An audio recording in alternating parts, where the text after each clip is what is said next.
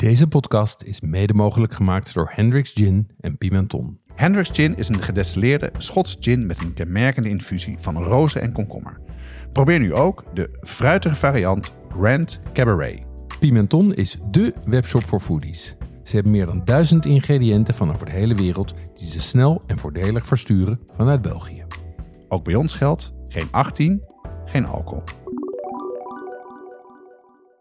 Jeroen, wanneer heb jij voor het eerst echte tacos gegeten? Ik heb voor het eerst echte tacos gegeten toen ik in eh, 2016 in Miami was. Ja? Daar eh, was ik voor een conferentie en daar kwam ik een vriend tegen die in eh, Mexico-stad woont. En die tipte mij toen op een, eh, op een taqueria, zoals dat heet, daar in de buurt. Daar had ik eh, carnitas en margarita's uit de well. Dus uit zo'n zeg maar, zo'n zo'n soort van pomp waar gewoon margarita's uit kwam. Top. Was een topavond. Het was, een, was een hele goede avond. maar nu ik maar wat heb verdiept in tacos. Ik dacht dus dat ik toen echte tacos had gegeten. Maar het was gewoon een flour tortilla. En er zat kaas op. Dus. En dat mag niet van jou. dat mag niet van mij.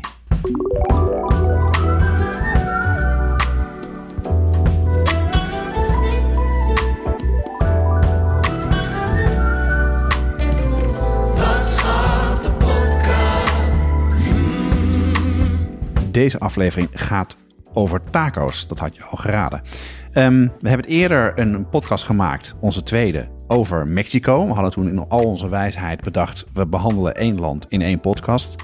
Nou, dat is totale onzin. Ehm, en we hebben dit nu veel beter aangepakt. We beperken ons tot alleen tot taco's. En we gaan even in de rebound. Ja, we gaan je vertellen wat tacos zijn. Eh, de tortillas, de vulling, de salsa en de groenten, zoals ze dat noemen. Ehm, en we gaan het hebben over zelfmaken en buiten de deur eten. Maar dat hebben we niet eh, alleen of met z'n tweeën gedaan, maar ook weer met de hulp van Jesse. Je, eh, Jesse, welkom. Tof ja, dat je erbij bent. dankjewel. Leuk om er weer eh, te zijn. Ja. En heb je je ingehouden met de voorbereiding en het Nee, koken? ik ben helemaal losgegaan weer. ik ben, ben heel benieuwd. Jesse vertelde net dat hij, dat hij eerst tien uur heeft staan koken voor, dit, eh, voor deze Dat, voorbereiding. dat was En het- vorige week en vanochtend en gisteren nacht weer opnieuw. Ja, Dus, ik, ja. ik zag jou dat je, je was om twee uur 's ochtends klaar. ja, zoiets. Eh, dedication, jongens. Fantastisch. Nou, jongens, ik heb een mooie pick-me-up eh, voor jullie. Ehm, na deze uitputting van de 10 uur kookmarathon. Namelijk een klassieke margarita. Ja, ik zag hem al staan. Ehm, eerst proeven. Ja, proef eerst maar even. Oh, lekker. Ja, het- is, ik, ik denk dat ik hem te vaak op een beetje dodgy avonden te veel besteld heb. En ging het, eh, nou ja, wat de verkeerde kant op. Dus Ja. ik, ik, ik drink ze eigenlijk nooit meer. Maar hoe heb je hem gemaakt? Ja, ik, Wat is hier bijzonder aan? Wat is, wat is hier? Kijk, een, een klassieke margarita maak je eigenlijk maar van drie nemen- dingen. Namelijk tequila, een triple sec en limoensap. Wat essentieel is, is een goede tequila. En je krijgt natuurlijk heel Ah ja. veel smerige tequila's. Ehm, en een mooie balans tussen zoet, zuur en sterk. Ehm, en ik denk dat het recept, recept dat ik hier heb staan, ik zal dat op de site zetten, dat het perfect is. Ik heb nu eh, Patron gebruikt, eh, tequila. Ehm, er zijn nog een paar andere merken, maar je moet eigenlijk echt wel een goede hebben. Want dan krijg je die, die aardse genoten, die aardse tonen. En dan krijg je ook die gelaagdheid, die, die smaak. En is hij niet scherp, maar is hij mooi gebalanceerd. En eh, ja, ik vind het een, eh, ik vind het een buitengewoon lekkere, maar heel verraderlijke cocktail. Is er iets rokerigs in? Dat is die tequila. Nee, dat is puur die tequila. Ja, Ja, ja. Het is fijn dat hij niet zo zuur is. Want dat vind ik het nadeel vaak met tequila's. En dat die super zout zijn. Vanwege de rand natuurlijk. En dat hij dus gewoon een soort aanslag op je maag is. En, eh, Hij kan ofwel te zuur zijn, ofwel te zoet. En vaak is hij te zoet en te zuur. ja. En dan krijg je dat het zo'n soort van hele, zo'n soort van bijna winegum-achtige zo- zo'n zuurtje is. En deze is relatief weinig eh, zuur, relatief weinig zoet en veel tequila. dat wordt, dat wordt het zo'n aflevering, Jeroen. Vind Het wordt zo'n je hem lekker, aflevering. Jesse? Ja, ik vind hem heerlijk. Eh, ik ben niet zo'n tequila drinker eigenlijk. Dat, Nee, een beetje slechte associaties mee, Ja. van lang geleden. Ja, maar, ja, niet? maar nu met de Mexicaanse keuken verder ontdekken, ja, je, je komt er niet onderuit. En het is echt heerlijk. Maar met tequila is het echt zo dat dat echt je, je, moet goede, je moet goede tequila nemen. Er is gewoon te veel bocht. En volgens mij hebben we allemaal wel momenten gehad. Ik kan me een paar avonden herinneren dat ik gewoon door mijn, door mijn hoeven zakte van de Zeker. Ja, en die, die sterke geur, die hou je natuurlijk vast. Nee, dat is het, Dat ja. is het, ja. ja, Ja, ja, ja. Alright. Wat heb jij eh, meegemaakt, eh, Jonas? Ja, ik ben, heb uit Italië heb ik eh, de pasta's der pasta meegenomen, de Monograno. Nou, als je Alex the French Guy kijkt, die heeft een hele serie over pasta's gemaakt. En hij begint in de fabriek, ergens in het noorden van Italië, eh, hoe je dus gedroogde pasta moet maken. Nou, ik was in Italië en ik zag het liggen. Ik heb het meegenomen. En eh, ik dacht, is het nou de moeite waard? Ja, daar ben ik ook benieuwd naar. Ja, ja, het is dus wel de moeite waard. En waarom? Omdat het namelijk, het heeft een hele lekkere eh bite- en mondgevoel. Oké. Het, het lijkt wel voor een soort van dat het eh, een beetje toffieachtig, verschillende structuren in zitten. Mhm.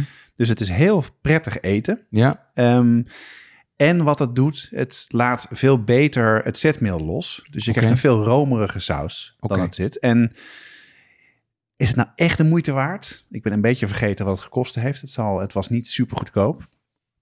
Ehm, en dat vind ik dus heel moeilijk met pasta's, omdat er een soort van, het is een beetje een soort van marginal gains, gewoon een klein stapje erbij. oké. Want het is een gewone pasta. Hè? Het is niet Gedroogd. een rare vorm Nee. of het is gewoon een, een penne of Ja. een eh, tagliatelle of wat dan ook. Spaghetti heb ik gekocht. Ja, spaghetti. Ja, Een penne rigate met een Oké. ruwe rand. ja, Ja. ja. Dus het is, gewoon, het is gewoon hele goede pasta. Ja, het wordt er allemaal net even iets beter van. Oké. En, ehm, maar goed, je kan niet makkelijk aankomen. Dus ik ben er, ben er bijna doorheen. Klinkt, klinkt een beetje als hele goede wijn.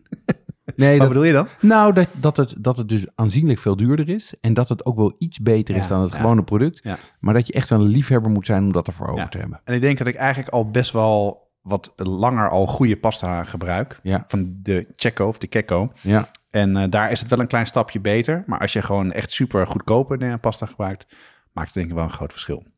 alright. What else? Ja, ik heb een nieuw ontbijtje. Ik vind ontbijten echt een beetje een soort ding wat ik gewoon... eh, meestal heb ik gewoon een croissantje en een kopje koffie. Mhm. Of eh, wat granola. Maar ik, ik, ik, ik vind het altijd maar niks ontbijt. Ehm, tot ik op een gegeven moment eh, dacht, ik ga een gebakken ei maken. Mhm. En dan ja, pak ik een boterham. Toen zag ik in de, in de koelkast een bakje rijst liggen, wat we nog over hadden. Ik denk, weet je wat ik doe? Ik ga het even stomen, de rijst. Mhm. De- en ik had ook eh, crispy chilies had ik gekocht, een Ja, ja. potje. Dus ik had de rijst gestoomd, eh, op een bord gedaan, een klein beetje sesamzaadjes eroverheen, heel klein beetje zout, eh, gebakken ei eroverheen met een dooier die, eh, die nog heel is, crispy chili en wat lenteuitjes. En dan snij je het dus in stukjes.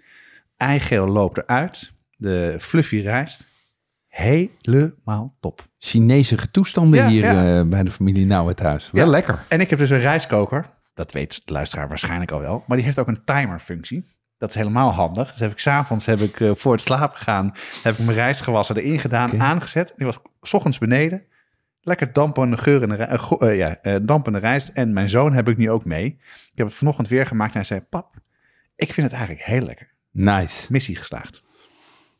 En verder zijn er heel erg veel kookboeklanceringen. Ja. Eh, het leuke ook weer dat we, dat we dat allemaal kunnen doen met z'n allen. Ehm, zo zijn we met z'n tweeën geweest bij de lancering van het kookboek Een Tafel Vol van Meike Kruger. Mokum Eet, sowieso een fantastisch Instagram kanaal om te volgen.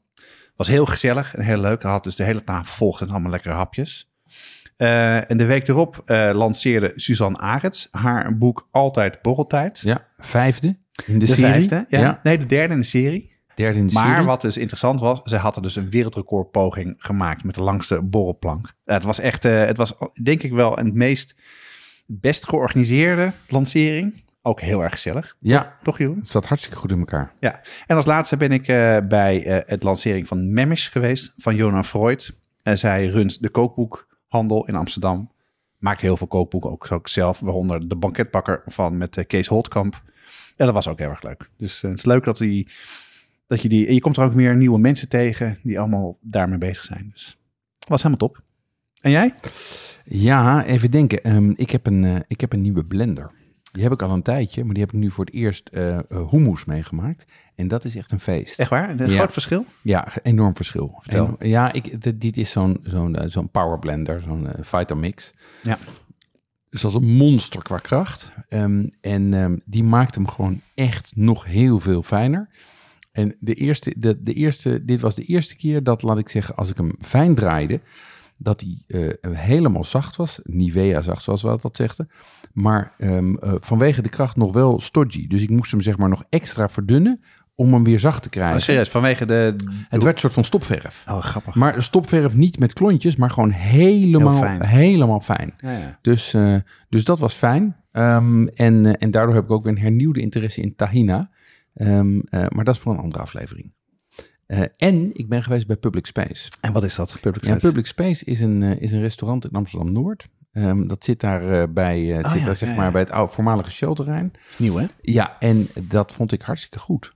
Dat Vertel. was een. eh, ja, ze zitten op een, eh, eh, op een beetje, laat- ik zeggen, op, een, ze zitten op het spoor van ehm, een beetje Noordic koken. Dus heel basis met veel groenten. En, maar er zitten af en toe wel verrassende elementen in. Een chiliolie of ehm, de stracciatella, dat is zeg maar de binnenkant van de burrata. Ja. Heel mooi gepresenteerd. Hele ontspannen omgeving en heel betaalbaar. Oh, dat is altijd... Gerechtjes van 12, 14, 16 euro. Ah, ja? Ehm, ja, dus dat vond ik, een, eh, dat vond ik echt een eye-opener. Public Space in Noord. Leuk. Nou, op het lijstje. En tenslotte hebben wij eh, de eerste aflevering opgenomen, eerste afleveringen opgenomen van onze nieuwe podcast. Bestellen kan altijd nog. En dat was een, Ja, sorry. Ja, die. ik Ehm, moest op een knopje drukken. moest op een knopje drukken. En eh, ja, dat was ontzettend leuk om te doen. En, eh, en ik ben ontzettend benieuwd hoe dat gaat worden ontvangen. Ja, dus ik ook was echt een ja. bevalling. Elke maandag komen we eh, met een hele korte podcast, hè? Ja, korte podcast met daarin een weekmenu, een eh, één gerecht en een keukenweetje. In een kwartier genoeg inspiratie voor de hele week. Ja, en voor de mensen die hiernaar luisteren, hij is in een andere feed. Ja, Dus zoek hem even op waar je je podcast luistert. Bestellen kan altijd nog. En abonneer je. En dan met je elke maandag krijg je inspiratie voor een week lekker koken. zo is het. Jesse, jij hebt ook een, eh, een, een Herculesk project eh, eh, Zeker. afgerond. Ja, absoluut. Ja, zoals de luisteraar wel weet, hadden we natuurlijk een hot sauce competitie. Eh, we hadden een competitie voor de beste Nederlandse homemade hot sauce 2022. Ehm, en eh, ja, dat hebben we afgelopen weken hebben we dat eh, gedaan. We hebben geproefd, we hebben een event eh, gehad waarin de beste werd, werd uitgeroepen. En dat was enerverend en interessant. Ehm, vrijdag twee weken geleden hebben we eerst de eerste selectie geproefd. 34 stuks kwamen er Ja. bij ons binnen. Ehm, allemaal met verschillende creatieve labels, creatieve receptuur, Ja. van alles wat. Hey, en jongens, de volgende dag, hoe was het? Naar de wc? Ring of Fire. Ja, bij mij, ik moest om vijf uur s ochtends, moest ik al, eh, werd ik al wakker. Ja, het was, het, was vrij, het was vrij intens. Ja. was vrij intens. hebben een hele hete hebben we gehad, hè? We hebben met z'n vier geproefd. Ik vond op zich de hitte nog wel meevallen. Ja, ik had het erger verwacht. Ik Ja. denk dat er twee of drie waren die echt over het randje gingen. Maar we hadden ook echt ingezet op een culinaire wedstrijd. Dus iedereen die meedeed, hadden we ook in de aankondiging gezegd... we gaan voor de smaak. En natuurlijk speelt hitte een rol, maar het is geen competitie wie de heetste saus kan maken. Nee, maar als je de 24 binnenkrijgt, Dan, dan, eh, het cumuleert het- natuurlijk. het cumuleert ja, zeker. 34. 34, dat Eh, bedoel ja, ik. Ja, Ja, precies. Ja. En daar hebben we er elf van geselecteerd, hè? We hebben er elf eh, geselecteerd. Die gingen mee naar eh, Dutch Chili Fest in Eindhoven. Ja? Eh, daar werd de finale, eh, daar was de finale. En heeft een jury heeft daar eh, ja, de laatste elf geproefd en de, de top drie eh, bekendgemaakt. Ja. De drie winnaars. Wie zat er in de jury? Ja, dat waren eh, Tom Schilder van Dutch eh, Chili Fest. Overigens heel druk bezocht, maar dat... eh, Dat is leuk om te zijn, hè? Zeker, absoluut. Eh, Sandra van Houwelingen van eh, Zorg en Hoop. Ja. Eh, Bram Kloosterman van Westland Peppers kennen we natuurlijk. Eh Freek Rijmakers van Heat Supply. En eh, Nick Toet, de YouTuber, de YouTube-chef.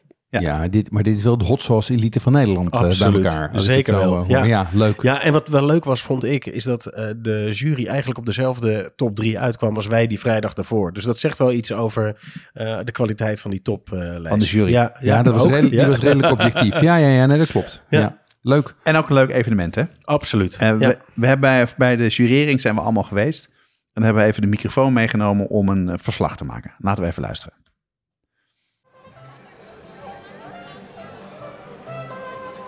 We zijn eh, aangekomen bij Dutch Chili Fest in Eindhoven. We komen hier voor de verkiezing van de beste hot sauce van Nederland. Jesse, hoe, eh, hoe gaat het? Ja, het gaat goed. Een beetje stress eh, op het laatste moment om alles nog even te regelen. Maar het gaat goed komen. De jury komt zo meteen aan. En ja, dan gaan we van 1 tot en met 11. We zitten hier in een ruimte en er staat een grote tafel. En daarop worden in bakjes elf hot sauces uitgeschonken. Die gaan zo allemaal stuk voor stuk beoordeeld worden. Hoe smaakt die, eh, Nick? Gat voor het... Nee, nee, hij is lekker. Hij is lekker, ja, ja, ja.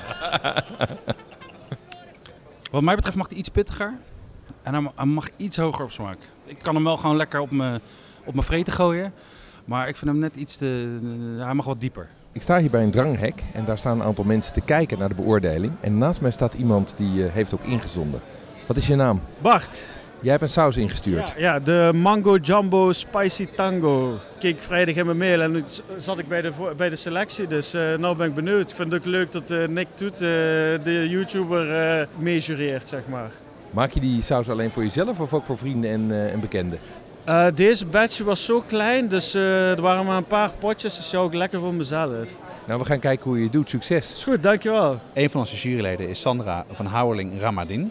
Heb je lekkere sausen geproefd? Ja, ik vond bepaalde sauzen vooral lekker als het niet alleen peper was wat je proefde. Maar dat men echt zorg had besteed aan de balans van de ingrediënten. En vond je het moeilijk om de, om de, de, de beste sausen eruit te pikken? Nou, er zaten een paar goede tussen. En in die zin had ik er drie, zeg maar, waarvan ik dacht, nou, dit, dit springt wel een beetje uit. Ik moet wel zeggen dat op een gegeven moment had ik zoiets van, wel, hè, dan wordt het toch wat pittig. Maar er waren Beetje heet. mooi gedaan, ook eh, goed geregeld en eh, ja, hartstikke leuk om mee te doen. Zo Jesse, we zijn eh, klaar. We hebben de winnaars gekozen. Kan jij misschien even kort vertellen hoe je, hoe je de hele competitie vond en wat je is opgevallen? Poeh, ja, nou, veel inzendingen. Heel veel creativiteit zagen we terug in de flesjes, in de smaken en de receptuur. Er was een groot verschil in kwaliteit. Het, het verschil tussen de allerbeste en de allerslechtste is behoorlijk. Eh, en wat we ontdekt hebben is dat het gewoon knettermoeilijk is om een goede saus eh, te maken. Dat is echt, echt niet simpel. Mats, we zijn hier op Chili Fest. Wat vind je ervan? Ik vind het eh, heel leuk en eh, ik, het is drukker dan ik had verwacht. Hey, en ga je nog meedoen aan de, aan de verkiezing eh, Heetse Pepers eten? Hoop het wel, maar ook weer niet. We zijn klaar voor de bekendmaking van de top 3 van de beste hot sauce, homemade, homemade hot sauces van Nederland. Ik loop het podium op. Met een grote groep eh, mensen. Jeroen is klaar. Ben je er klaar voor, Jeroen? Wat zei je, Jonas? Ben je er klaar voor? Ik ben er helemaal klaar voor. Wat gaan we doen? We gaan eh, prijs uitreiken.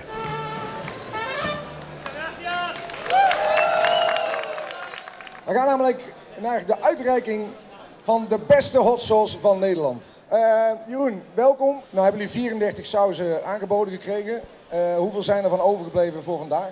Nou, we hebben het eigenlijk in, eh, in drie rondes gedaan. Ehm, dus we zijn begonnen met binnen ons team 34 te proeven. Daarvan zijn er 10 meegenomen hier naar, eh, naar Eindhoven. En die hebben we net met de jury geproefd. Net ter plaatse geproefd. Ja, en daar zijn, er, eh, drie van in de, daar zijn er drie van die een prijs hebben gewonnen. Ik ben heel benieuwd. Ik, ik zijn jullie benieuwd wie er gewonnen heeft? Dan begin ik met de nummer drie. En de nummer drie is Madame Apricot van Jan Lindfors. En hij wint een mes van de firma Moes. Mag een applaus voor Jan? De prijs. Ehm, de nummer twee is ketchup van Albert Veerman. En van Albert Veerman weet ik dat hij hier is. Albert Veerman. Geef een groot applaus. Gefeliciteerd Albert. En eh, jij krijgt van ons een ehm, bon van Heat Supply, waarmee je 50 euro sauzen kan uitzoeken.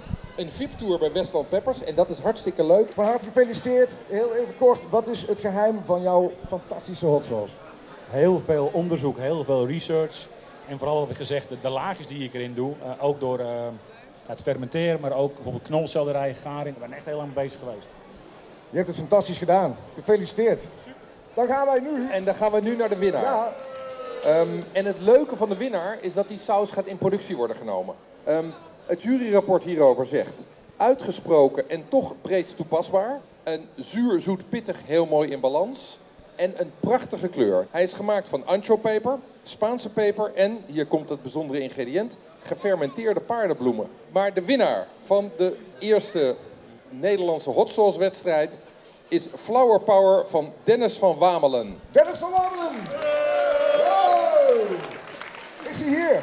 Dennis hebben wij net gebeld. Dennis is ziek thuis, Oh. helaas. Ehm, maar hij krijgt dus een bokaal, die daar staat, de prachtige eerste prijs. Ehm, en hij krijgt, zijn saus wordt in productie genomen door White Whale. Geweldig. Heel erg bedankt. En eh, hopelijk zien we jullie volgend jaar terug. Dankjewel, tot ziens. Top, tot ziens.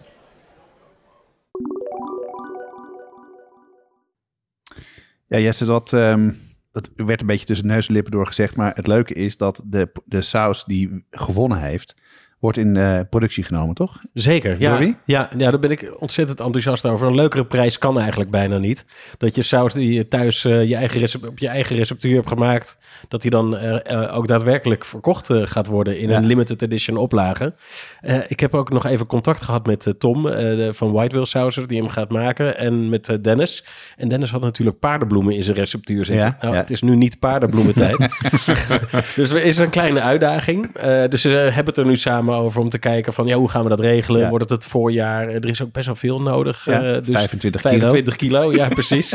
dus dat is een leuke uitdaging. Maar ik, ik hoorde ook van Tom, die, is daar, die wordt daar gewoon super enthousiast van Ja. als maker. En het is ook wel leuk dat Tom eh, met zijn sausen, hij maakt ook gefermenteerde saus. En dat is lang niet altijd zo met eh Ja. hot sausmakers. Dus dat, eh, dat, dat gaat elkaar wel vinden.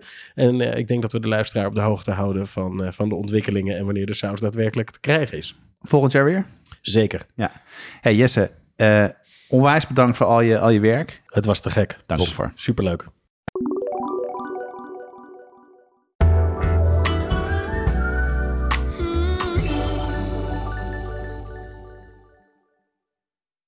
Tijd voor taco's, Jeroen. Ehm, jij wilde het hier lang al over hebben. Hè? Ook Mhm. een beetje wat ik in de introductie zei, is dat we in al onze wijsheid dachten Mexico in één aflevering te doen. Ja, we hebben wat goed te maken. Hebben we zeker wat goed te maken. Ehm, hoe heb je het aangepakt? Nou, ik ben begonnen met mij eens even goed in te lezen en te zorgen dat we de research goed deden. Ehm, ik heb me daarin eh, ben vooral, heb vooral gelezen naar Rick Bayless, eh, heb de Tacopedia doorgenomen. Bestaat die? De Tacopedia, die bestaan. Geweldig. En eh, daarnaast een boek dat heet Tacos, Recipes and Provocations. Ehm, verder ja. heb ik in Nederland een aantal experts geraadpleegd. Carla Plancarte van uh, Tortillas en Nina Bogarts van Mexicaans restaurant Rosario. Ehm, en daarnaast hebben wij alle drie een eh, gerecht proefgekookt. Dus we zijn eh, behoorlijk de diepte ingegaan. Maar goed, laten we nou gewoon maar meteen, meteen beginnen. Want dat was ook een beetje wat in mijn hoofd soort van kortsluiting had met, eh, met het uitzoeken van de recepten. Zijn dat nou taco's? Zijn dat nou tortillas? Wat, wat, wat zijn taco's nou? Wat, wat is het? Ja, wat, wat Rick Bayless erover zegt, eh, die baseert zich op een expert, die zegt het is improvised cooking wrapped in a tortilla. Nou ja. Ehm, Ja. En je hebt dus heel veel verschillende vullingen. Vlees, kip, vis, groenten, eieren zelfs. Ehm, en eigenlijk gaat daar vervolgens altijd een salsa op. Een rode of een groene. En koriander en ui. En koriander en ui noemen ze groenten in Mexico. Oh ja. Dus dan heb je je groente ook meteen binnen. Ehm, maar wat het dus niet is, zijn die U-vormige gefrituurde tacoschelpen. Taco's zijn zacht. Ja, ja. Of de tortillas zijn zacht. Ja. Dus die, die tortilla is dus de essentie van de taco. Dat is ook wat ik zelf merk, hè? dus de, de smaak daarvan. Kan je even kort uitleggen wat de tortilla is dan? Ja, ehm, een tortilla is een pannenkoek. Eigenlijk bijna altijd van mais. Ja. Ehm, die is gemaakt van, mm, van een deeg, een massa. En dat is, die is gemaakt van genixtamaliseerde mais. En die wordt geperst in een tacopers. Ja, eh, maar is dan elke taco een tortilla? En is elke tortilla een taco, Jeroen? Hoe zit dat? Ja, nee. Kijk, eh, de massa is een basis voor allerlei Mexicaanse bereidingen. Ehm, de tortilla is één van de bereidingen van de massa. En de taco is één van de toepassingen van de tortilla. Dus dat is de, dat het is de piramide. Ja, Dit moeten we even in een infographic stoppen, denk ik. Eh, ja, ja, massa kan je een heleboel uitmaken, inclusief tortillas. Tortilla kan je een heleboel van maken, inclusief taco's. Ja, precies. En uiteindelijk waar het om gaat is dus die, die tortilla, hè? Die, die, die mais tortilla. Ja, dat is wel het, dat is wel het, het kenmerkend verschil. Ja. Ja. Jesse, eh, Ja. ik heb al eerder eh, eh, geprobeerd tortillas te maken. Dat is echt falikant mislukt. Ja. Ik had het ook op mijn, mijn lijstje staan om te doen, maar dat is niet gelukt. Maar jij bent er wel mee bezig geweest, geweest hè? Hoe Ja. heb je dat gedaan? Nou, het ging eigenlijk best goed. Eh, je Oh, hebt die, bij jou wel. Ja, je hebt, je hebt die, dat Masa-meel. Ik, ik weet ook niet wat er bij jou mis is. ja, gegaan de eh, ik heb keer. gewoon maismeel uit de supermarkt gekocht. Oké. eh, maar dus niet het goede. Maar wat voor meel is dat dan? Ja, dat is de genixtamaliseerde maismeel. Ehm, die kon ik kopen bij de toko. En dan is het eigenlijk niet heel veel moeilijker dan de juiste verhouding water-meel. Je vo- voegt er niks aan toe. Geen gist, geen zout, geen andere, andere stoffen. Ja. En daar kneed je eh, golfbalgrote balletjes van. Die gaan in de tacopers niet te hard drukken. En dan hou je een prima eh, tortilla over. Ja, tortilla pers moet ik ook weer zeggen. Het is zo ingewikkeld. Ja, maar is dat lekker dan? Eh, ik vind het beter dan, eh, dan die prefab eh, in de winkel koopt. Ja, Ah, vind ik wel. Ja. Ja. Ja. En je hebt meer controle. hè. Dat vind ik al- als, als hobbykok vind ik dat interessant. Hè? Van, eh, hoe krijg ik hem perfecter? En je hebt er gewoon meer invloed op. Dus dat maakt het voor mij wel wat leuker. Ja. Ja, het interessante is, eh, de, als je, je hebt dan waarschijnlijk de maïseka gekocht. Ja. Dat uh, genixtamaliseerde maismeel. Ehm, eh, toen ik het daarover had met eh, de taco-experts, die waren daar eh, bijzonder, die waren grote tegenstanders van. Want die zeggen eigenlijk, dit, die, die industrie waarmee dat genixamaliseerde maismeel wordt gemaakt, die is vrij problematisch. Daar worden veel genetisch gemanipuleerde maissoorten gebruikt. En bovendien zijn er exotische constructies met Amerikaanse exportsubsidies en schaalvergroting, waardoor door die productie van dat maismeel eigenlijk kleine boeren in kleine nixtamalisatieplants out of business worden geduwd. En dat heeft geleid tot iets wat wel vergelijkbaar is met wat je bij koffie ziet, zogenaamde third wave taqueria's, waar ze dus hun eigen eh, taco's maken met eh, zelf genixtamaliseerde mais. Eh, Jongens, we hebben het al een paar keer gehad over genixamaliseerd. Wat is dat eigenlijk, Jeroen? Ja, nixtamaliseren is koken van mais met kalk. En, en daardoor worden de schilletjes zacht en verbeter je de verteerbaarheid, de smaak en de voedingswaarde. Ja, en wat het dus ook doet, is dat het dus goed bij elkaar blijft. Hè? Want als jij gewoon maismeel neemt, dat valt gewoon volledig uit elkaar. Dat mislukt. Hier blijft het een soort van, het zijn geen gluten denk ik, maar het blijft meer bij elkaar Ja, zitten. dat toch? hou- je krijgt meer samenhang. Ja. Ja. Je had het net over third wave eh, en over waar jij voor het eerst je echte tortilla hebt gegeten, of taco, maar die was dus verkeerd. Want waarom Mhm. was die verkeerd dan? Ja, hij was verkeerd omdat het een bloemtortilla was. Ja? Dus nou ja, Ah. dat is, nee, eh, mag niet. En bovendien zat er kaas op. Ook verkeerd. Oh ja, dat had je al verteld. Ja. Nou, ik heb dus diezelfde ervaring eh, gehad. Ik wist eigenlijk helemaal niet hoe je taco's kon eten. Hè, van tortilla's. Eh, maar ik ben een keer in Kopenhagen geweest. En in Kopenhagen heb je het restaurant Sanchez. En dat is van de, de chef die ook Sanchez heet. En zij heeft bij Noma gewerkt. Mhm. En daar eh, moest je naartoe, vertelde ze. En we gingen daar zitten en eten. En toen kreeg ik een taco. En vooral de smaak van de tortilla, de maïssmaak, dat was zo bijzonder en zo anders. Daar hebben we ook massa gegeten. Dus wat je net vertelde, Ja. werd ook ver- verwerkt in een recept. En toen dacht ik, oh ja, dit is dus echt zoveel beter en lekkerder dan wat we kennen eh, uit de supermarkt van, van meel. Wat een beetje muffig ruikt en heel snel heel keihard wordt in de pan. Dus eh Ja, herken dat wel. Ja, en, en het leuke is, wij hoeven niet meer naar Kopenhagen om dit te eten. nee, nee, maar dat is het goede, want we, we hebben dus eh, tortilla, tortilla Tayeri. Ja, had je mij gesproken, hè? Ja, die importeert zelf mais uit Mexico. Die nixtamaliseert dat hier. Die, heeft een, die maalt dat. Oh, vet. En die perst daar verse tacos van. Gele, witte en blauwe. En het grappige is, ze verkoopt dus ook die massa los. Want die massa wordt dus ook voor andere dingen gebruikt. Dus als je heel graag zelf je tortillas wil, wil maken, kan je bij haar ook massa bestellen. Maar kan je er ook andere dingen als nopales of zo van maken. Kijk, dus dat om is te weten. Een, eh, is Ja. een leuke tent. Ja. Ja. En hoe kom je eraan dan? Dan kan je gewoon bij haar online bestellen. Oké. Ja, Jeroen, eh, smaken die verschillende soorten ook eh, anders? Ja, je, je, hebt dus, je hebt dus de gele, de witte en de blauwe. En, en wat Carla van, eh van Tayeri daarover zegt, is dat de gele die ruikt naar kippenhok. Zo zegt ze dat. ja, die ruikt naar kippenhok. Ik kan me er iets bij Ja, voorstellen. een beetje, Ja, ja. een beetje maizig. Ja. De witte die is redelijk Oh, zo, neutraal. Zo, zo Ja. kippenhok. Ja, Oh, ja. kippenhok. Ehm, en de blauwe die ruikt een beetje gras, die heeft een geur grassig en aards. Ja. Het zijn vooral de geuren die verschillen. Heel even Ja. de tweede, want ik praat er doorheen. Wa- Waar, ruikt die naar? Ja, die is re- relatief neutraal. Dat Oh is ja, een, oké, een, ja, een ja. neutrale. En dat zeggen zowel ehm, Carla als, eh, als Nina. Zeggen eigenlijk is een tortilla gewoon een drager van wat je erop doet. Ja, ja. Mhm. Het is een vessel. Ja. Je hebt het net ook al even gehad over de bloemtortilla. Wat, wat, wat weet je? Ja, bloemtortilla is natuurlijk wat we hier het meeste zien. Dat zijn de, zowel de wraps als de tortillas die je loskoopt. Of die gorditas, die kleine dikkertjes. Ehm, die kom je in Mexico eigenlijk bijna niet tegen. Heb ik me laten vertellen, want ik ben er nog nooit geweest. Dus het is even een slagje om de arm. Maar ehm, het komt eigenlijk vooral in het noorden voor. Dus in het, eh, laat ik zeggen, in, in Texas. Want Texas was natuurlijk, dat hebben we eerder ook al gezegd. Texas was onderdeel van Mexico, hè, Mhm. tot 1860 of zoiets. ja. Dus in het noorden, dus in Texas en in helemaal Noord-Mexico, kom, kom je wel bloemtortillas tegen. Maar die worden eigenlijk vooral gebruikt voor sincronizadas en quesadillas. En nu zeggen jullie, Kaas. wat zijn, wat zijn sincronizadas? ja, wat is dat? Sincronizadas zijn eh, Mexicaanse tosties. Dat is ham en kaas tussen, Ah, een, eh, tussen ja, een bloemtortilla tuurlijk, ja. in de grill. Ja. Heel simpel. Eh, maar laten we het heel even hebben over wat je er dan verder mee doet. Hoe, hoe eet je een goede taco met tortillas? Nou ja, kijk, de, de belangrijkste vraag is natuurlijk wat gaat erin. Dat kan van alles zijn. Dat is vlees, vis, kip, groenten, eieren, aardappels, bonen. Eigenlijk kan alles daar als, als, als vulling in. Ehm, en wat je ziet is dat de verkopers in Mexico, die specialiseren zich in één stijl. Oh ja. Ehm, eh, dus, en daar zijn sterke regionale verschillen bij. Ehm, en we hebben alle drie eh, één vulling gemaakt. Jonas, wat heb jij gemaakt? Ja, ik heb gemaakt Tinga de Pollo. en dat is een, een gerecht met kip, pollo.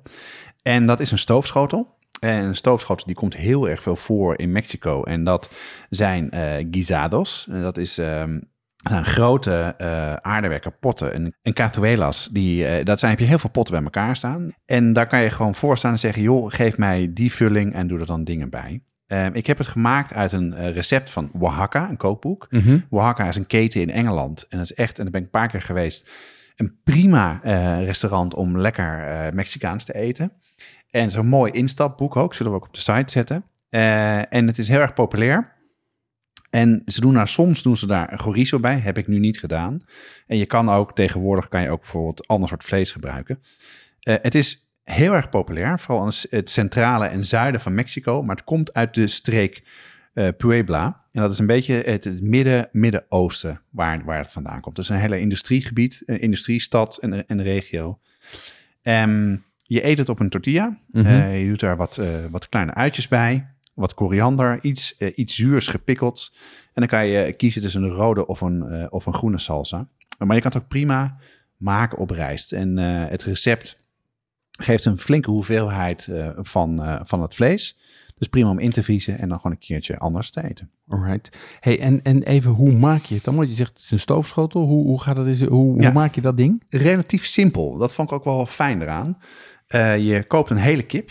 Dat doe je in een grote pan. En dan doe je wat, uh, wat aromaten bij uh, en peperkorrels. En dat pocheer je gaar. Je brengt het aan de kook. Dan laat je hem heel zachtjes staan. En dan laat je hem afkoelen. Dus dat het niet te droog wordt. Mm -hmm. um, heb je een bouillon en een kip. Die kip die ga je helemaal plukken. En dan maak je de saus. En de saus maak je van uh, chipotles die gedroogd zijn. Die hebben een mooie rooksmaak. Mm -hmm. Die week je in water door 10 minuten te koken. Dan doe je dat in een, uh, pak je tomaten en knoflook. En die rooster je droog. Dus ja. in een pan tot het helemaal verbrandt. Dat is ook echt iets Mexicaans. Ja. Alles gooi je in een blender. Daar doe je wat, uh, wat, uh, wat andere dingen bij, zoals oregano. Maar dan Mexicaanse oregano. Ik weet nooit precies wat het is. Maar...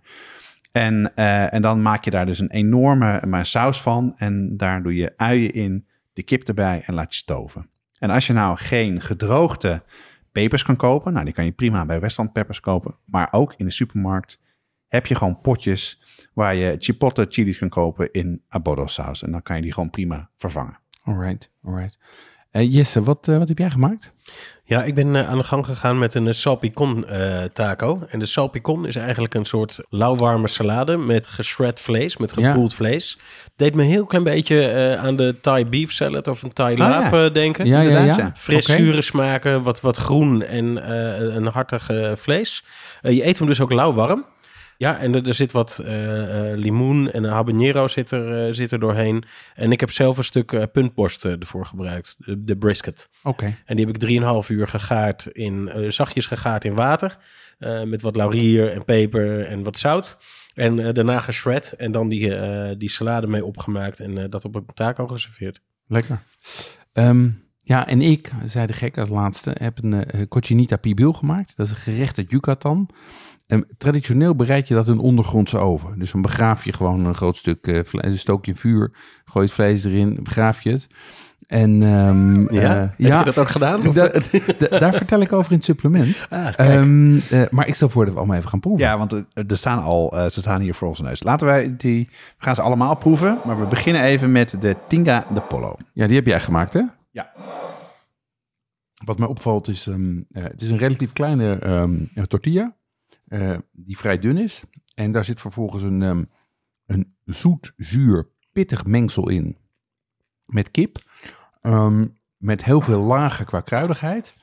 Hij heeft een, um, hij heeft een, mooie pittigheid. die, laat ik zeggen, die voor in de mond ligt. Maar vervolgens die in, in, zijn, in het aroma helemaal uitwaaiert met koriander en ui en uh, limoen. En uh, het is een heel, een heel fris gerecht. En het smaakt me ontzettend goed. Ik begin te kwijlen, dus ik ga nog een hap nemen. Ja. Mm -hmm. Wat ik er heel uh, tof aan vind, en dat is ook een beetje uh, wat je creëert door uh, de tomaten en de knoflook te blakeren. Maar ook door die, door die pepers die erin zitten. Het heeft een prettige rook rooksmaak, maar niet te overheersen. Zeker, ja. En een hele fijne afterburn. Wat vind jij ervan, Jesse? Ja, ik vind hem heel goed. En precies die rooksmaak. Ik heb best wel wat verschillende soorten taco's eh, gemaakt afgelopen weken. En zodra je chipotle gaat gebruiken, moet je altijd een beetje op gaan letten. Ja, Want het- naar mijn idee wordt het dan echt snel te rokerig en gaat dat snel overheersen. En eh, ook alle frisse smaken worden daardoor wat meer weggedrukt. Ik vind deze echt heel, eh, heel lekker. Ja. Ja, en het is ideaal ook, wat ik- net al zei, over andere dingen. En kijk, wat, er- wat er gebeurde, omdat je een hele kip hebt, heb je en nog een soort van een paar li- een liter eh kippenbouillon over. Zit in de vriezer. Ja, dit is een heel klein gedeelte van wat, wat ik gemaakt heb. Dus hier kan je meerdere keren van eten. Erg lekker. Ja, dat was ook wel mijn ervaring. Dat ehm, als je eenmaal dit soort wat meer authentieke taco's eh, wil gaan maken, dat je het heel goed voor kan bereiden. Je moet het niet allemaal op één dag willen doen. Zeker niet als je meerdere eh, wil maken. Zeker niet op zondag. Zeker niet op zondag. Dan kom je toch even verkeerd uit. Maar alle losse ingrediënten kan je heel prima eh, voorbereiden. Wat het heel geschikt maakt voor een dinnerparty of als je mensen over hebt. En iedereen vindt het ook wel lekker. Zeker als je wat keuze hebt in, in, je, in je proteïne. Eh, en iedereen vindt het leuk om samen te stellen. Dus, maar bereid het goed voor. Want Ja. eh, het maken van die moles en salsa's en alles wat erbij komt kijken, dat, dat neemt tijd in beslag. Jonas, ik ben even... ehm, die tacos die zijn lekker warm. Hoe heb jij dat gedaan? En die heb ik, ehm dit zijn mais, eh, tortillas, hè? Die heb ik eh, even in een vrij hete pan gedaan. Ja. En het is, eh, het is niet enorm ingewikkeld, maar je moet een beetje opletten. Je moet in ieder geval voor zorgen dat je een, een, een warm bord hebt. Ja. eh, waar je een, eh, een handdoekje in doet. Dus liever een wat dikkere, eh, een theedoek kan ook, maar een handdoek is, is wat dikker. Mhm. Eh, isoleert beter. Die vouw je in vieren, kan je hem openklappen. En die taco's die doe je in de pan. En je moet een beetje opletten dat ze niet te ver gaan, want dan worden ze te hard. Ja. En je moet er met een eh, platte eh, soort spatel op drukken. Om te proberen om ze een beetje bol te krijgen. Ja, op Oké. een gegeven moment komt er een soort lucht in. Dan, eh, En, en kort, hè? En vrij kort, ja. ja. Dus, maar je moet eh, wel warm houden. Want 10, het- 20, 30 seconden per kant? ja, dus als je een te, koude pan hebt, is het ingewikkeld. Ja. En het de hete pan gaat roken. Dus even zoeken, maar je hebt het zo door. Het is niet, niet super ingewikkeld. Een paar keer omdraaien, goed op drukken. Goed warm houden en dan eh, dus warm op tafel zetten. Dat is wel belangrijk. En niet in de magnetron. Heb jij een magnetron, Jeroen? Nee, maar er zijn mensen die dat aan mij zouden Nee, vragen. ik zou dat dus nooit doen. Nee. Want je moet wel een beetje... eh, je moet ze wel... Ja, ja, Bakken? Ja, Ja, je, wil, bakken. je wil die burn, je wil niet Ja. alleen de stoom. er moet ook iets van Ja. een beetje een soort van randjes op zitten. Ja, Ja, ja. ja natuurlijk. Mensen hebben, eh, hebben zeker natuurlijk magnetrons. Zullen we dan nu die eh cochinita pibil van Jeroen gaan eh, eten? Zeker. Ja, dat is die, eh, dat is die met die, eh, met die gepikkelde uien erop. Ja. Ja. Die groene salsa. Het is heel populair, hè, pibiel, Ja. als, als vulling. Ik heb het ook een keer gemaakt. Heb ook niet begraven. Ik heb geen tuin om het in, in te Nee. begraven. Maar wat ik er zo lekker aan vind, en dat proef ik hier ook heel erg goed. Er zit een rooksmaakje doorheen. Ja. Maar minder in het eten, maar meer ja, in, in de parfum, om het zo maar te Ja, zeggen. het- ja. En het heeft iets zuurigs. En dat is echt die, die pibiel, hè. Dat is Ja. echt een soort van... Ja, soort besje zuur wat erin zit. En dat is zo'n soort lekker volle smaak. ja, en een aardse, vrij sterk aardse aroma. Heel erg, ja, Ja, ja. Nee, ik vind hem Oh, ook... eh, lekker ja, hij is, is, super lekker. Structuur is ook helemaal goed. Ja, valt uit elkaar. Mooi. hey, en ehm, welke salsa zit hierop, Jeroen? Ja, ik, ehm, ik heb hier pickled onions op gedaan. En ik Hm? wilde eigenlijk een habanero saus maken. Maar ik had geen habanero's in huis. Dus ik heb nu de groene salsa van, ehm, eh, van Jesse geprobeerd. En die is met tomatillos, Die hè? is met tomatillos, ja. Want eigenlijk heb je de rode ta- salsa, die maak je met tomaat. En de groene salsa, die maak je met tomatillos. Hey, en wat zijn tomatillos, Jeroen? Tomatillos zijn eh, vruchten die familie zijn van de kruisbes. En ook familie zijn van de lampionnvrucht. Je kent wel die, die, die, Ah, die ja. eh, eh, oranje eh, lampionnetjes die mensen in de tuin hebben hangen. Dus het zijn een soort, ze lijken op tomaten, maar geen familie. En die zitten in een soort van pa- papieren hulsje, groen. En die kan je hier in Nederland overigens ook gewoon kopen. En die, en, en die hebben dus iets, zijn iets zuurder en hebben een beetje iets wat op kruisbessen lijkt qua smaak. Ja, maar essentieel voor de keuken in Mexico, hè? Ja, essentieel. Ja, en vooral voor die salsa. Die groene salsa is echt key. Eigenlijk bij alle taqueria's krijg je een rode en een groene salsa. Ja, Ja, ja, ja. ik ben nu ook heel benieuwd naar jouw schoppicon, eh, Jesse. Dan gaan we die even proberen. Zeker weten. Mm, mm, mm. Hij is goed, hè? Oh, dat is echt heel erg. Sorry, maar ik mag niet met mijn mond vol praten. Ja, dit is interessant, want dit is een, ehm, dit is een, een koude vulling. Die vorige vullingen waren warm. Ehm, maar het heeft heel veel, ehm, eh, heel veel smaak. Heel eh, fruitig en bloemig. Ehm, en je proeft dat er verse habanero doorheen zit. Eh, zowel in dat aroma. Dat, Heel lekker, hè? Dat heb ik ook weer meegepakt van die hot sauce eh, competitie. Daar, daar had ik op een gegeven moment echt, begin echt een neus te krijgen van habanero. Die ruik je er zo uit. Maar die proef je hier ook in. En die geeft ook een hele aangename, mooie, diepe hitte. En ehm, het vlees heeft hier eigenlijk een beetje een tweede soort, zit meer een beetje op de, op de backseat. Die geeft vooral structuur. Absoluut. Ja, want er En- is ook verder niet zoveel mee gedaan, behalve Nee, de garing. Nee, Ja. en eh, dus die geeft een soort van, soort van laagje van proteïne op de achtergrond en bovendien aardige eh, bite. En wat ik ook heel lekker vind, is de salsa roja die erop zit. Ehm, want die heeft ook een soort van rokerige aardsheid. Wat zit daarin? Ehm, die salsa roja, ja, daar, zit- daar zitten eh, pruimtomaten in. Eh, best wel wat van die eh, gu- guajillo eh, chilies. ehm, een morita chili. Een klein beetje chipotle, wat komijnzaad, Mexicaanse oregano. Daar heb je hem weer. Ik, ben, ik moet echt nog even uitvinden of dat echt anders is dan de Italiaanse. het, is, maar- het is echt anders. Ja, dat, ik geloof het, maar ik ga dat nog eens even verder proberen. Ehm, ja, knoflook en wat, eh wat ciderazijn. Dat is, dat is wat er maakt. Ja, het, het leuke is, eh, wat, wat zowel Nina als Carla zeggen, is dat de salsa's zijn waar de taquero's zich mee onderscheiden. Mhm. En wat je ziet dus eigenlijk dat al die, die, die, die taqueria's in eh, Mexico, die hebben over het algemeen één of twee soorten vlees waar ze zich op specialiseren. Die tortillas, die zijn min of meer standaard. Als die goed zijn, zijn ze gewoon goed. Maar je kan je personal touch toevoegen met, eh, met die salsa's. Ehm, en die zijn dan rood op basis van tomaten, ui, knoflook, zout en pepers. En groen op basis van tomatillos, ui, knoflook, zout en pepers. Ja, precies. En hier zit dan nog eh, de snipek bij. En dat is dus eh, de, groene, eh, de, de groene salsa eigenlijk. En die is dan weer ook weer op basis van eh, tomaten, eh, die habanero's die daarin zitten. Je zou er radijs bij kunnen doen. Ehm, en daar zit wat eh, limoen en koriander ook weer bij. Maar in die saus die je net noemde, Jeroen, daar zitten geen kruiden bij. Nee, er zit eigenlijk geen kruiden bij. Het enige wat je ziet is dat in de, in de groene gaat wel koriander. Ja? En soms een beetje eh, oregano, Mexicaanse oregano. Ehm, maar, nee, maar, maar de basis, eh, dat, dat, laat ik zeggen, het onderscheidende zit hem in de keuze van de pepers. En welke Mhm. pepers je gebruikt en of je gedroogde gebruikt of verse. Ja. En hoeveel en welke mix. En dat is waarmee je eigenlijk de, waarmee de taquero zijn, eh, zijn signatu- signatuur geeft. En dat, heb, dat is wat jij ook hebt ervaren, toch? Absoluut, ja. ja. Zullen we het even hebben over eh, tacos buiten de deur eten? Jonas, jij hebt eh, recent redelijk wat buiten de deur toch? Ja, zeker. En ik, ik, eh, eh, jij bent bij Nina in Rosario geweest. Dat is bij mij om de hoek. Ja. En eh, mijn zoon werkt daar in de keuken. Dus eh, afwasser, maar... Dus ik kom daar graag. Eh, daar, de, maar ik ben in, heb gegeten in, in Bacalar. Mhm. Dat zit in Amsterdam-Noord. En die is in het weekend open. En ik ben daar voor de tweede keer geweest en dacht, ik ga toch... Want de eerste keer dat ik daar was, vond ik het echt top. Mhm. En de chef die daar kookt, is ooit Coma begonnen in Ja. Amsterdam. En dat is ook een van de eerste echte taqueria's in de stad, waar mensen leerden hoe, hoe het e- eigenlijk echt hoort. Ehm, daar heb ik eh, veel besteld. Ik heb Te veel, hoor ik. Eh, nee, dat valt dat is wel mee. nee, nee, want dat vind ik ook weer het fijne van het gerecht. Eh, het zijn ook nu weer, het zijn hapjes. Ja. En, en je, en je, moet dus, je moet ze dus plat leggen, een klein beetje opdoen. Je moet ze dubbel vouwen en in je mond kunnen schuiven. Dus je moet er nooit te veel in doen. Het moet er niet uitvallen.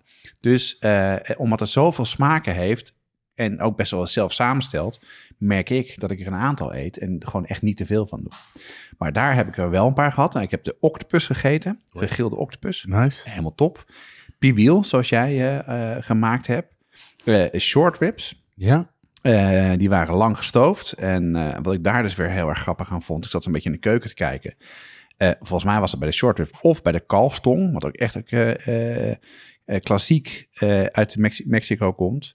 Ehm, de chef die had zijn tortilla's, die gooide een beetje door het vlees.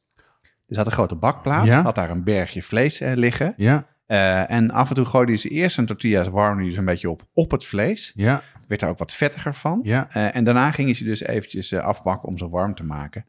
En eh, dat was echt, echt lekker. En wat ik gewoon interessant vond, net zoals we met nu hebben gemerkt, er zit weinig, heel veel dingen bij, maar Mhm. wel steeds weer een touch. Hij had bijvoorbeeld een, wat heel interessant was, had bijvoorbeeld een, een kruising tussen, tussen een pompoen en een, en een courgette. Die was licht gepikkeld. Ja. Dat was niet zozeer op de tortilla zelf gelegd, maar erbij als een hapje. Heel lekker mondgevoel, heel top. Dus ja, mocht je in de buurt zijn, ehm, hij is alleen het weekend open, wat ik net al zei, maar zeer de moeite waard. Lekkere cocktails ook, leuke plek, echt top. Leuk. Ja, je zei net even over dat hij eh, de tortilla's tussen het vlees gooit. Ik heb ook tortilla-recepten gezien waar je rundvet in eh, je beslag doet, in je deeg eh, Ja, ja, doet. ja, ja. ja. Ja, dat, maar dat schijnt vooral bij ehm bloemtortillas te zijn. Ah, kijk. Bloemtortillas krijgen hun smaak van, eh, van het vet wat je erin doet. En zeker als je dan reuzel gebruikt of, eh, Ja. of rundervet, dan geeft dat veel smaak. Klopt, ja. Ik zal de foto's van, eh, van de recepten even op, de, op Insta zetten. Het is leuk om, om te zien en dan heb je een beetje idee wat je daar kan eten. Alright. Dat was bakkelaar. Nog meer? Ja, eh, je noemde Koba al net, net even. Hele fijne plek, ook in Amsterdam-Noord. Eh, leuke atmosfeer, super informeel. En best wel wat experimentele smaken en dingen die je daarvoor geschoteld krijgt. Echt absolute aanrader ook. Ja, wat we denk ik ook even moeten noemen is eh, La Catrina. Dat is een, is een keten, maar wel authentiek Mexicaans. Die noemde Carla. Ehm, Madre Santa in Den Haag. En Tacos en Tequila schijnt ook goed te zijn. Ik kreeg van de naam een beetje jeuk, maar die schijnt top Nou. te zijn. Ehm, en dan denk ik eh, dat we ook even stil moeten staan bij La Condessa. La Condessa is wel grappig. Die, eh, die heb ik via Instagram ontdekt. Die deden tijdens eh, corona deed die delivery. Kwamen ze gewoon een gevacumeerde zak met vlees brengen. Stapel tortillas en een aantal plastic bakjes met salsa's. Ehm, en dat was allemaal hartstikke goed. Mexicaanse jongen die hier aan de hotelschool studeerde. Ehm, en die is nu zijn eigen restaurant begonnen. En waar? Dus in Amsterdam aan de gracht. Oh, eh, in een keldertje. Ja. Dus eh, dat schijnt, eh, schijnt ook goed te zijn. Het is grappig, hè? Je hebt ook je hebt er best wel veel van dit soort restaurants in Amsterdam tegenwoordig en ook andere plekken. Dus het is een ontzettend leuke keuken om uit te proberen. Wat ik iedereen kan aanraden is, ga even in dat soort restaurants eten. Heb je een soort van benchmark van wat het is. Ja. En dan weet je ook een beetje hoe je zelf je dingen kan maken. Dus zullen we het even samenvatten? Ja, ehm, kijk, de basis zijn zachte mais tortillas. Ehm, die zijn gemaakt van genixtamaliseerde mais en die warm je op in een droge pan. Dat is waar je mee begint. Ehm, ja, Ja. dat is het, de start. Ja, en dan eh, vervolgens eh, kies je een vulling. En dat is vlees, kip, vis, groente. Ehm, en dat ja, hangt af van de regio waar je in geïnteresseerd bent. Of wat je zelf lekker vindt eh, natuurlijk. En eh, ja, daar kan je heel veel variaties eh, in maken. Ook vegetarisch heb ik echt een hoop opties gezien. Toevallig hebben we nu voor eh, vlees gekozen. Maar ik heb ook in verschillende kookboeken echt hele interessante eh, vegetarische Ja, combinaties ik ook, met gezien. eieren en met paddenstoelen Ja. en eh, van alles. Ja, en met bloemkool is ook heel lekker. Heeft een lekker ook een, een structuur eraan. Nou, wat Jeroen al zei, dan gaat het bij de vulling om de groenten. Nou, Ja. denk hier niet aan heel veel groenten, maar een klein beetje ui en wat koriander. Ja. En essentieel is dus een rode of een groene salsa. Die maak je of van tomaten, de rode, of van tom tomatillo's, de groene. Eh verse kan je kopen, maar je kan ze ook goed ingeblikt kopen. Dus zeker de moeite waard om uit te zoeken. Met ui, knoflook en wat chilies. En een taquero onderscheidt zich dus eh, voor de keuze van de chilies en de geven hun touch aan de salsa's. En wat we hier ook wel even mogen noemen, zijn dat er ook nog allerlei bijzondere taco's zijn. Eh, degene die ik in ieder geval over wil noemen, zijn de taco canasta. Ehm, dat zijn taco's die halen ze door het vet en die stapelen ze dan in een mand. En doordat die mand vervolgens in plastic wordt ingepakt en de warmte vrijkomt, stomen die eigenlijk in hun eigen warmte. Oh, wauw. Ehm, en eh, de tacos dorada, ehm, die worden opgerold en eh, gefrituurd. Dat zijn bijna een soort van lumpia's. En maar dat is dus ook weer een hele eigen variant. En wat mij betreft is dat genoeg basis voor een, eh, voor een tacos 2.0. Zeker, want bij, eh, bij mijn bakkelaar heb ik namelijk een gefrituurde taco gehad. heb ik nog niet gezegd. Met eh, tonijnen overheen en dat soort dingetjes. Helemaal top.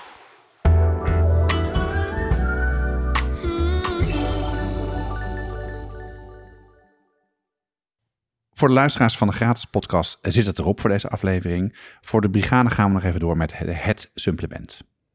In het supplement vertelt Jesse hoe hij salpicon heeft gemaakt. En ik vertel hoe ik concinita pibil heb gemaakt. Als je lid wil worden van de brigade, ga je naar petjeaf.com slash podcast en dan meld je je aan. Deze podcast wordt gemaakt door Jonas Nouwen en Jeroen Doucet. Een dank aan Jesse Burkink eh, voor de research en, eh, en het lekkere eten. Het team bestaat uit Corianne Straathof, Annie Tazelaar, Paul Veldkamp, Kato van Baddenburg en Jesse Burkink. En de muziek is gecomponeerd door Nico Bransen en Ton Dijkman en wordt uitgevoerd door Mel en Vintus Future. Tot de volgende keer. Tot de volgende keer. Tot de volgende keer.